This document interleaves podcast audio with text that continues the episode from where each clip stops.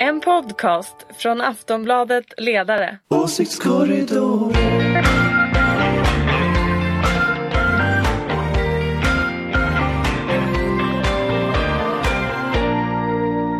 Hej och välkomna till Åsiktskorridoren, podden från Aftonbladets ledarredaktion som är din livboj i, den politiska, eh, i politikens brottsjöar. Dagens avsnitt kommer att bli ett Magdalena Andersson special. Det är november, från rymdbasen utanför Kiruna rapporteras 38 cm snö och imorgon är det äntligen dags för Socialdemokraternas kongress. Eh, Fram till i somras såg det väl ut att bli en ganska intern angelägenhet men den blev ju plötsligt högintressant när Stefan Löfven i slutet av augusti meddelade att han skulle avgå. Vi ska prata om kongressen, om socialdemokratin och inte minst om Magdalena Andersson. Är hon en ny Göran Persson, en ny Ingvar Carlsson eller kanske en ny Mona Sahlin? Och kommer hon att bli Sveriges första kvinnliga statsminister? Med mig finns som vanligt Ulrika Schenström, ankare i Åsiktskorridoren och chef för den liberala och gröna tankesmedjan Fores. Dessutom oberoende moderat. Hej Ulrika! Hej hej, här är jag! Här finns också Jonna Sima, redaktionssekreterare på Aftonbladets oberoende socialdemokratiska ledarredaktion. Hej Jonna! Hej, också ett ankare. Naturligtvis. Jag vill vara ett ankare. Du vill vara ett ankare. Då har vi två ankare och ett tredje ankare för att vara alldeles säkra. Eh, förstås. Släpankare. Mm. Anders Lindberg, politisk chefredaktör för samma oberoende ledarsida. Hej, här är jag. Själv heter jag Ingvar Persson och arbetar också på Aftonbladets ledarredaktion. Eh, men som vanligt i Åsiktskorridoren är det min roll att diskret men bestämt eh, försöka leda det här samtalet så rättvist och eh, rakt som situationen tillåter. Socialdemokratins kongress börjar som sagt imorgon och jag börjar med att fråga hur ska ni följa den? Jonna? På plats, inte imorgon men från och med onsdag så åker jag ner till Göteborg. Det blir spännande att överhuvudtaget få vara ute och resa i landet och träffa människor. Ulrika, kommer du att följa kongressen? Ja, såklart. Från bilen imorgon. Och så är det lite oklart, för när man går in på Socialdemokraternas hemsida så framgår det inte exakt vilken tid det börjar. Så det är kanske någon här inne som kan upplysa mig om det här. Klockan fyra på torsdag eh, ska Nej, det är valet. Ja, det är valet, Ja, ja, ja, men jag undrar när det det börjar. Ja, men det vet jag. Sen ska Mm. hon hålla något anförande klockan 11 imorgon. Är det imorgon klockan 11? Kan jag få veta någonting nu? För att jag har hittat bara en föredragningslista utan tidpunkter. Anders, arbetsordningen? Jag ska ta fram arbetsordningen här. Jag har den inte i huvudet. Men eh, eh, vad heter eh, Jag ska vara där i alla fall tänker jag från imorgon. Imorgon är alltså en helt meningslös dag därför att då har Socialdemokraterna så kallade temagrupper. Och temagrupper betyder att man får inte vara där och titta. Så då ska de prata med varandra. Och förhoppningsvis inte reda ut alla konflikter så att vi får se lite konflikter i själva plenum. Okej, men kan vi inte bara börja nu för att veta när inleds kongressen? Imorgon. Mm. Vilken tid ska jag sätta på radion?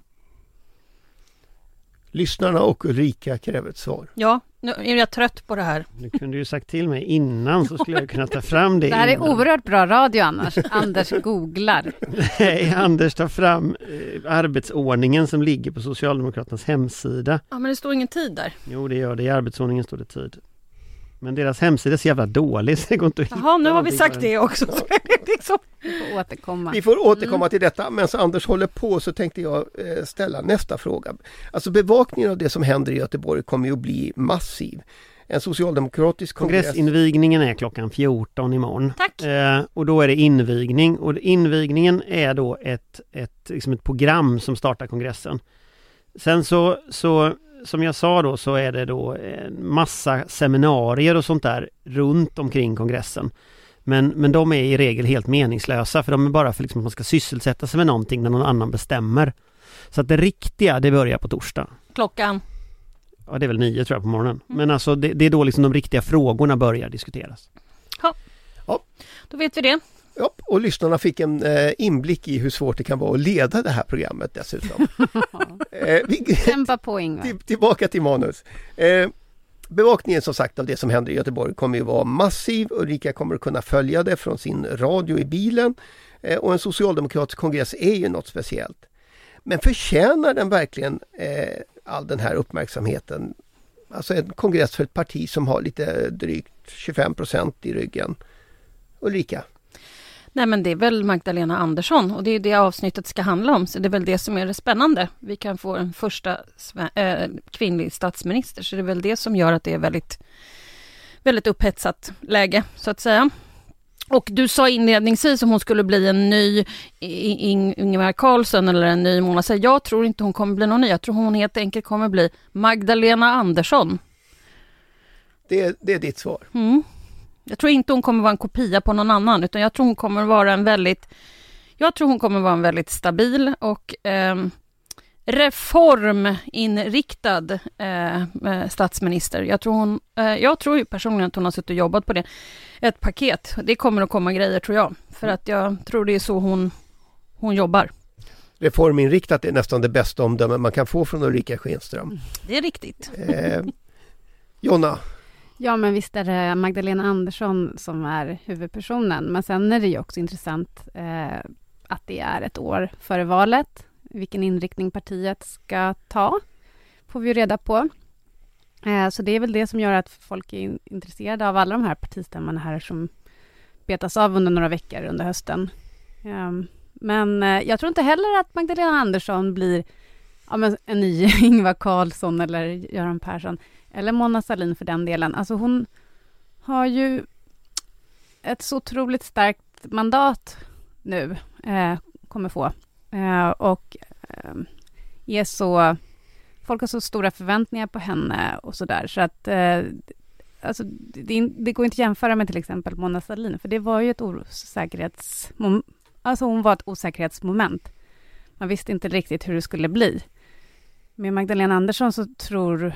Ja, det, man vet ju aldrig, men, men man känner sig ändå trygg, tror jag, med henne som ny ledare och är nyfiken på vad hon ska hitta på. Men Anders, eh, visst hade väl Mona Sahlin ett starkt mandat när hon valdes? Ja, det hade hon eh, på sätt och vis, kan man säga. Hon hade ju en slags dubbelt mandat. Hon hade ju liksom historien med sig. Hon, hade, hon skulle ha blivit ordförande redan när, när Ingvar Carlsson avgick. Det fanns liksom en historia kring det.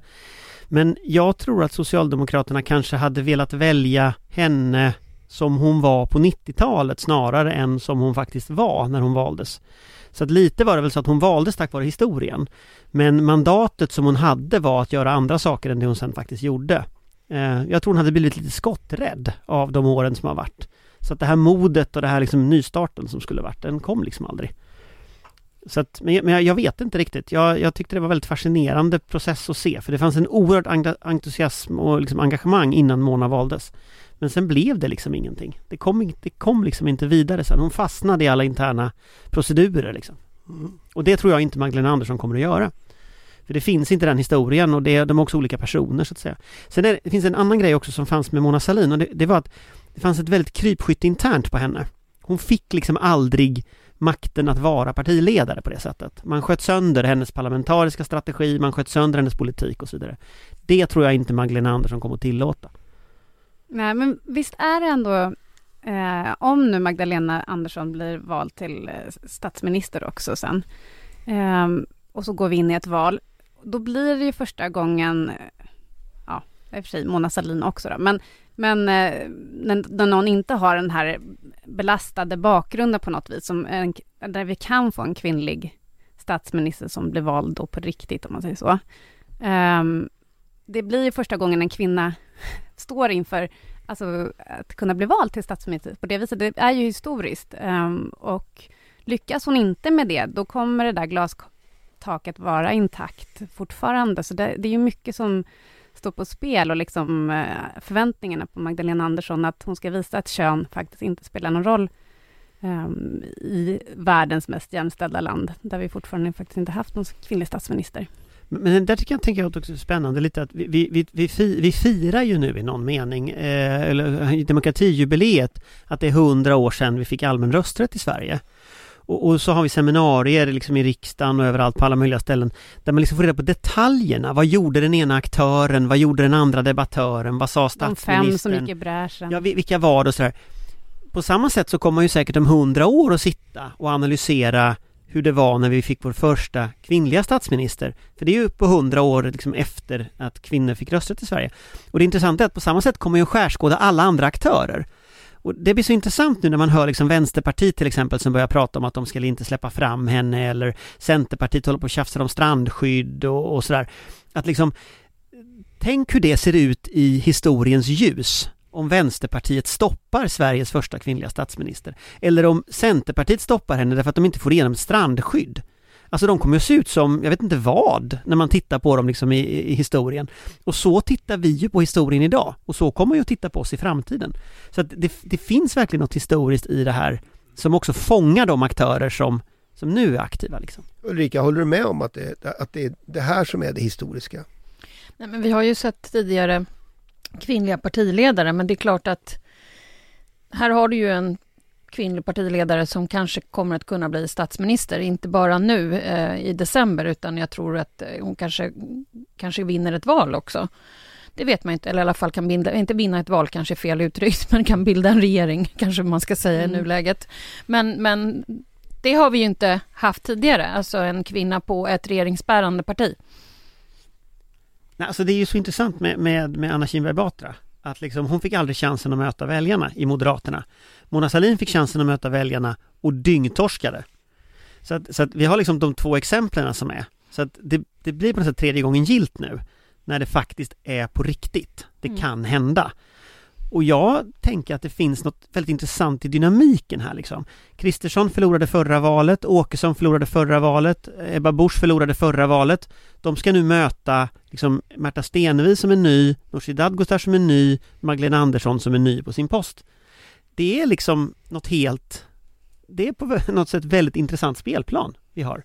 Och då är det väl min roll som parti, eller partiledare, så här, programledare. Oj då, blev... Var det så det var? Ja. Ingvar. Och, och påpeka Jag visste inte att du var nominerad. Nej, inte helt. Eh, och påpeka att de inte skulle hålla med om att de förlorade valet. Eh, men de fick inte regeringsmakten. Fast de förlorar ju valet, de sitter ju inte i regeringen. Mm. Jonna? Men, eh, nej men också, det smärtade ju också säkert många progressiva feminister mig inkluderat, att när man såg de här partiledardebatterna förr, då var det ändå Ebba Busch, eh, Annie Lööf var ju också ja, men borgerlig partiledare, Nyamko Sabuni, ett tag också Anna Kinberg Batra. Alltså det har kommit fram väldigt många kvinnliga partiledare på den borgerliga sidan, medan eh, vänstern, den rödgröna vänstern hade eh, Stefan Löfven och Jonas Sjöstedt och sen så ofta Gustaf Fridolin eller Per Bolund och sådär. Eh, så det kändes ju, det fanns ju någonting att eh, tilltalande för många att, eh, med, feminister också, att, att eh, kanske rösta borgerligt då och att, att eh, det, det, på det viset blir spelplanen också lite förändrad den här gången och det är ju kul. Fast Miljöpartiet har ju haft kvinnliga språkrör hela tiden. Så att, så att... Jo, absolut, men de har ju ett, ett manligt också och ibland blev det ju bara män då på rödgröna sidan. Du tänker i, i själva Såna här partiledardebatter? TV, och så. Ja, precis. Ja, men Jonna sa ju också att vi kommer få reda på någonting av vad, vilken väg socialdemokratin tar och, och, Anders du pratade om historieböcker. Kommer det stå någonting annat än Magdalena Andersson i kapitlet om kongressen i Göteborg 2021? Jag vet inte. Jag, jag sa fel lite på tiderna förut för att det, det kommer faktiskt imorgon att vara en fråga som är på riktigt som kommer upp och det är organisationen som kommer att bli en sån fråga. Och den, där finns det ju lite frågetecken kring det här med öppna processer, eh, om sidoorganisationerna, alltså de här studenter och sådär, mm. skulle få vara med i verkställande utskottet. Nu får de ju, om jag har fattat det rätt, så har partistyrelsen backat och alla får vara med och de ska kramas och sådär allihopa. Men, men, men kärnan här är ju hur demokratiskt ska Socialdemokraterna vara? Och då kan vi konstatera att detta är första kongressen sedan 1969 när ledningen faktiskt är kongressvald på en ordinarie kongress. Mm. Inte sedan 1969 när Palme valdes så har det faktiskt varit den ordinarie processen som egentligen finns i stadgarna. Utan antingen har partiledarna dött på sin post eller avgått i alla fall i, i efter valförluster. Eh, och, och det, det, är klart att, att, på ett sätt är det faktiskt historiskt att, att man, man, man har ändå en, en riktig process eh, som, som, som man ändå förnyar på ett sätt politikens former. Och det låter konstigt att man förnyar det genom att göra som det står i stadgarna men, men man ska inte glömma att Stefan Löfven valdes av partistyrelsen. Där verkställande utskottet där han själv satt var valberedning. Så att liksom, nu är det ändå på något sätt en riktig underifrån process som sker här. Och det tror jag är en sån sak för historieböckerna. För nu har vi 1969 och så har vi då nu. En annan sak i historieböckerna tror jag är, det är en vänstersväng. Jag tror att det här blir en vänstersväng politiskt för Socialdemokraterna. Tillbaka till en mer traditionell socialdemokrati. Och sen om det är liksom historiskt i meningen att Stefan Löfven har någon slags allmän högeravvikelse under några år eller om det är något större som händer. Det vet jag inte. Men jag tror det kommer att bli liksom en kurs kurskorrigering till vänster. Ulrika? Jo, men, alltså, men det beror ju på hur budgeten har sett ut. Det är ju därför att Socialdemokraterna har fått göra upp. Jag menar, budgeten blir ju ganska liksom, borgerlig om man ska vara riktigt ärlig, till och med liberal i vissa delar.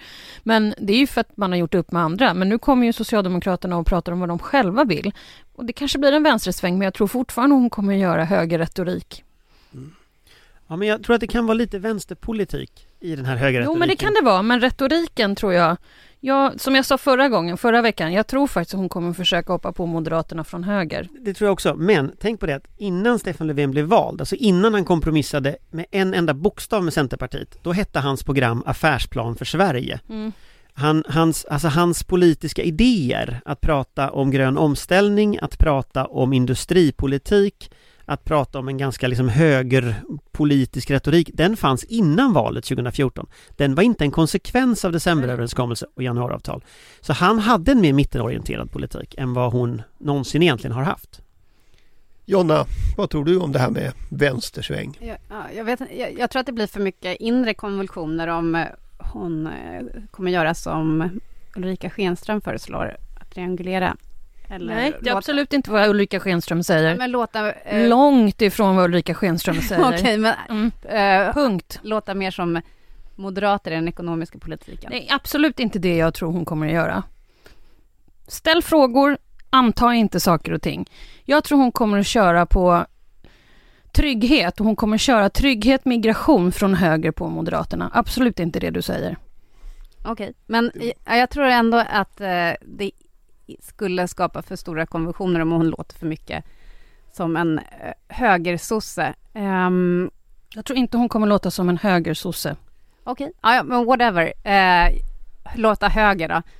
Uh, däremot så tror jag, om vi ska prata om det, vad hon kan bli för slags ny, som ny partiledare, ny Göran Persson. Jag tror att det där med mm, parallellen till Palme var intressant, som Anders tog upp. Att den här processen eh, påminner om 69. För är det någon person som jag tror att Magdalena Andersson påminner om så är det nog eh, Palme. Alltså dels den här lite akade akademiska bakgrunden men också hon har beskrivit politiska uppvaknande i USA. Eh, alltså när hon pluggade där. Upplevelsen av rasdiskriminering, klassklyftor precis på samma sätt som Palme gjorde och de har också den här giftiga retoriken som är otroligt effektiv i debatter. Så att där har vi en, en intressant koppling, tror jag. Ulrika, mm. jag tänkte, ska vi ge dig chans, för jag vet ju att du hade ett konkret exempel där du, där du såg just hur du tyckte att Magdalena Andersson... Jo, men det var ju när hon blev utsedd av valberedningen så var hon ju ute och hoppade på Moderaterna för att ha en för ja, för snäll migrationspolitik. Och det är ju en retorik som är från höger på Moderaterna. Eh, och det är så jag menar att hon kommer att göra. Jag håller inte på att tro att hon ska försöka bli någon moderatledare, utan tvärtom. Jag tror hon kommer komma fram i traditionell vänsterpolitik. Men jag tror att hon kommer slå på oppositionen från höger. SD och M från höger. I den typen av bemärkelse. Men det är egentligen en slags tandhöger snarare än en ja, eh, fördelningspolitisk liksom... höger. Nej, men, men det, är för, för, för, det är väldigt viktig skillnad därför att, därför att fördelningspolitiskt så tror jag Jonna har helt rätt i att här ser vi en, inte socialistisk agitator kan vi inte säga att det är, för det är det inte riktigt, men det är en typ av språkbruk som går tillbaka på mycket av Palme, går tillbaka på liksom en gammal typ jo, av Jo, men hon måste ju ta tillbaka SD-väljare, så är det ju. Det är ju liksom det men, hon, hon ja, måste göra. det finns två tankar i Socialdemokraterna kring hur man tar tillbaka SD-väljare. Det ena är att man har en fördelningspolitik, därför att egentligen så röstar de på fel sida blockgränsen, för egentligen borde de rösta för sina ekonomiska intressen. Och därför pratar man om höger-vänsterpolitik för att få tillbaka SD-väljare. Så det är en sån tolkning som finns i S. Och den andra tolkningen är den du säger, att man måste prata om, om, eh, om liksom eh, migrationspolitik och integration. Ja, men det och finns säkert massa andra saker också. Det här var ett exempel där jag såg det. Det var någonting nytt som hände och jag märkte i de kretsar som är opposition idag att man noterade detta väldigt ordentligt. Att okej, okay, det är så här hon kommer att göra nu. Det är så här, okej. Okay. Mm. Ja, det kan mycket väl stämma. Och det, det, är intressant, men det intressanta är att de här båda tolkningarna finns. Och skulle du fråga en S-kongress så skulle majoriteten av en S-kongress säga att du vinner tillbaka de här väljarna för att du ska driva en traditionell socialdemokratisk ja, men de, politik. Hon måste ju driva en fördelningspolitik, annars kommer hon ju aldrig få tillbaka några SD-väljare. Absolut, och sen undrar jag vad som kommer hända med den där andra spåret, tann-socialdemokratin, därför att den finns också just nu. Och den är, den är, den är liksom en, en en faktor. Och skulle jag titta jag på liksom kongressdebatten innan, om du läser vad folk skriver i tidningarna och folks Facebookflöden och så vidare, så skulle jag säga att en skillnad på den här kongressen jämfört med förra kongressen, det är att tanddelen är mycket starkare. Mm, jag har förstått det. Eh, och den, det, det, är liksom en förändring över tid. Att den typen av, eh, och det kan vi ju se, LO och SSU gör utspel om att liksom lägga fram pensionsförslag mm. även om SD skulle rösta för och så. så att den typen av liksom strömningar är starkare. Och det är en förändring som kan betyda något på sikt. Absolut. Riktigt mycket. Hörni, tiden går eh, som den brukar göra när vi sitter här och eh, idag måste vi försöka avsluta ordentligt så alla hinner hem och packa och annat. Eh, jag tänkte vi skulle försöka blicka framåt eh, i den här temapodden om Magdalena Andersson. I helgen skrev ju du Anders att att hon borde skaffa sig en badtunna inför arbetet med att formera ett alternativ till nästa års val. Eh, jag har funderat på var den där badtunnan skulle stå. På Harpsund finns ju redan en eka som väl har i stort sett den funktionen så det kan väl inte bli aktuellt. Men Ulrika, du har ju lite erfarenhet av politiska badtunnor. Är det där en bra idé? Nej, verkligen en jättedålig idé. Vi hade ju ingen badtunna utan det var Jag ju skriver ju det också i texten. Ja, vi hade ingen sån men däremot har jag aldrig varit med om så många som bara ville ha Fredrik Reinfeldt, Göran Hägglund, Lars Leijonborg och Maud Olofsson i en badtunna. Jag tror inte det hade varit sådär jättelyckat. Men de frågade var 50 minuter ungefär så jag säger bara nops. Ingen badtunna? Nej men alltså det, nej. Var det du som Man fick vinner... avstyra det här? Nej, alltså det var ju Maud, äh, Mauds man, Rolf, som fick frågan från Expressen ifall han önskade sig någonting i present av partiledarna. Och då svarade han, jag skulle gärna vilja ha en badtunna och där föddes den. Och vi blev aldrig av med den. Men man vinner ju som sagt inte val på badtunnor, ballonger eller bananer, utan på reformer. Så jag är tillbaka där igen. Reformer? Det är ja. reformer. Uh, ja, hon bor ju faktiskt i moderatland i Nacka så kanske där. Um, och det kanske är symboliskt också för hur Magdalena Andersson är, att hon verkar ju vara lite en social kameleont. Hon passar in uh, både i, i moderatland, eller bland moderaterna, varit ihop med en uh, mod, ung moderat uh, länge. Och uh, ja, men umgås från höger till vänster och, och så där. Och jag hoppas att hon kanske inte bada badtunna, men i alla fall, som också Anders tog upp, då, att eh, sträcka ut en hand till, till Vänsterpartiet och försöker att jämka ihop eh, med Miljöpartiet och Centerpartiet, att man i alla fall sätter sig ner och pratar. Det, det är fånigt det här att stänga ut det andra, tycker jag. Men om man, om man nu ska tänka att det här är liksom tillbaka till traditionen, vore det då inte bättre att ta med Nooshi Dadgostar i, i samma eka där, där Erlander rodde runt med Krustjov? Ja, frågan är om det är just den traditionen som, som eh, Nooshi Dadgostar vill skriva in sig jag, jag, tror ju att efter att Magdalena Andersson är vald till statsminister så ska hennes första samtal, inte första, men så ska ett samtal gå till Nooshi Dadgostar för att försöka reparera den här relationen för att jag, jag fattar att socialdemokrater just nu är fruktansvärt arga på vänsterpartister och vänsterpartister är rätt kaxiga om man läser deras Facebook och de ska typ storma allting och sådär. Men faktum är att man behöver varandra. Så att de borde ta och tagga ner lite och som, ta ett glas vatten först och sen, sen eh, kanske faktiskt sätta sig ner och prata. Det är inte bara så att det är Annie Lööf som står i vägen utan det är också rätt många egon som står i vägen just nu på alla möjliga sidor. Så jag hoppas ju att man försöker bygga en koalition. Eh, alternativet till att Socialdemokrater och Vänsterpartister börjar prata med varandra är ju sannolikt att Ulf Kristersson blir statsminister. Och det tror jag att eh, det bör man undvika för allas bästa. där ser man. Eh, det var ju ett sorts slutord skulle man kunna tänka sig. Eh, jag tror att det är det vi hinner med i den här veckans podd. Som sagt, eh, folk måste hem och packa och ska ge sig iväg. Delar av panelen ska till Göteborg. Eh, vi kommer ju vara tillbaka i nästa vecka. Eh, och då kommer landet av allt att döma att ha en expeditionsministär. Den stora frågan blir om riksdagen tänker välja Sveriges första stats, eh, kvinnliga statsminister. Eh, så vi lär ha ämnen att prata om då också. Jag vill tacka panelen, tack Ulrika, tack Jonna, tack Anders och jag vill förstås tacka alla som har lyssnat. Det är för er vi gör Åsiktskorridoren. Tack så mycket! Hej hej! Hej! En podcast från Aftonbladet Ledare. Åsiktskorridoren.